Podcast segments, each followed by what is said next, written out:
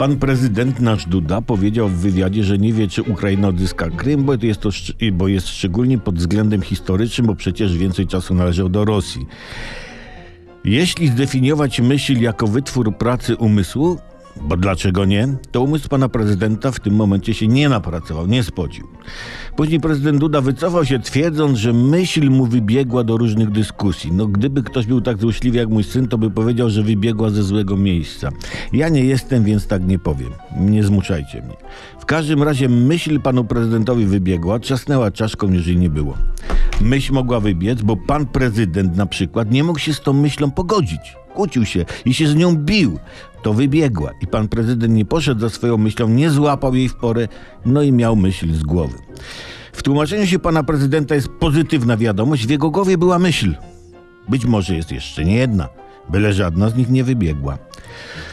Ach, myśl, ta zdobycz pamięci. Bez sensu jest. No dobrze.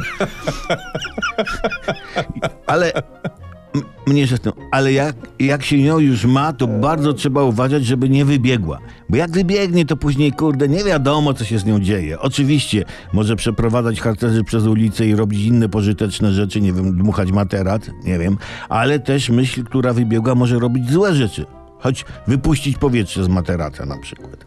Na myśl trzeba uważać, bo jak mówi nowe staropolskie przysłowie, myśl wybiega bobrem, a wraca jeleniem.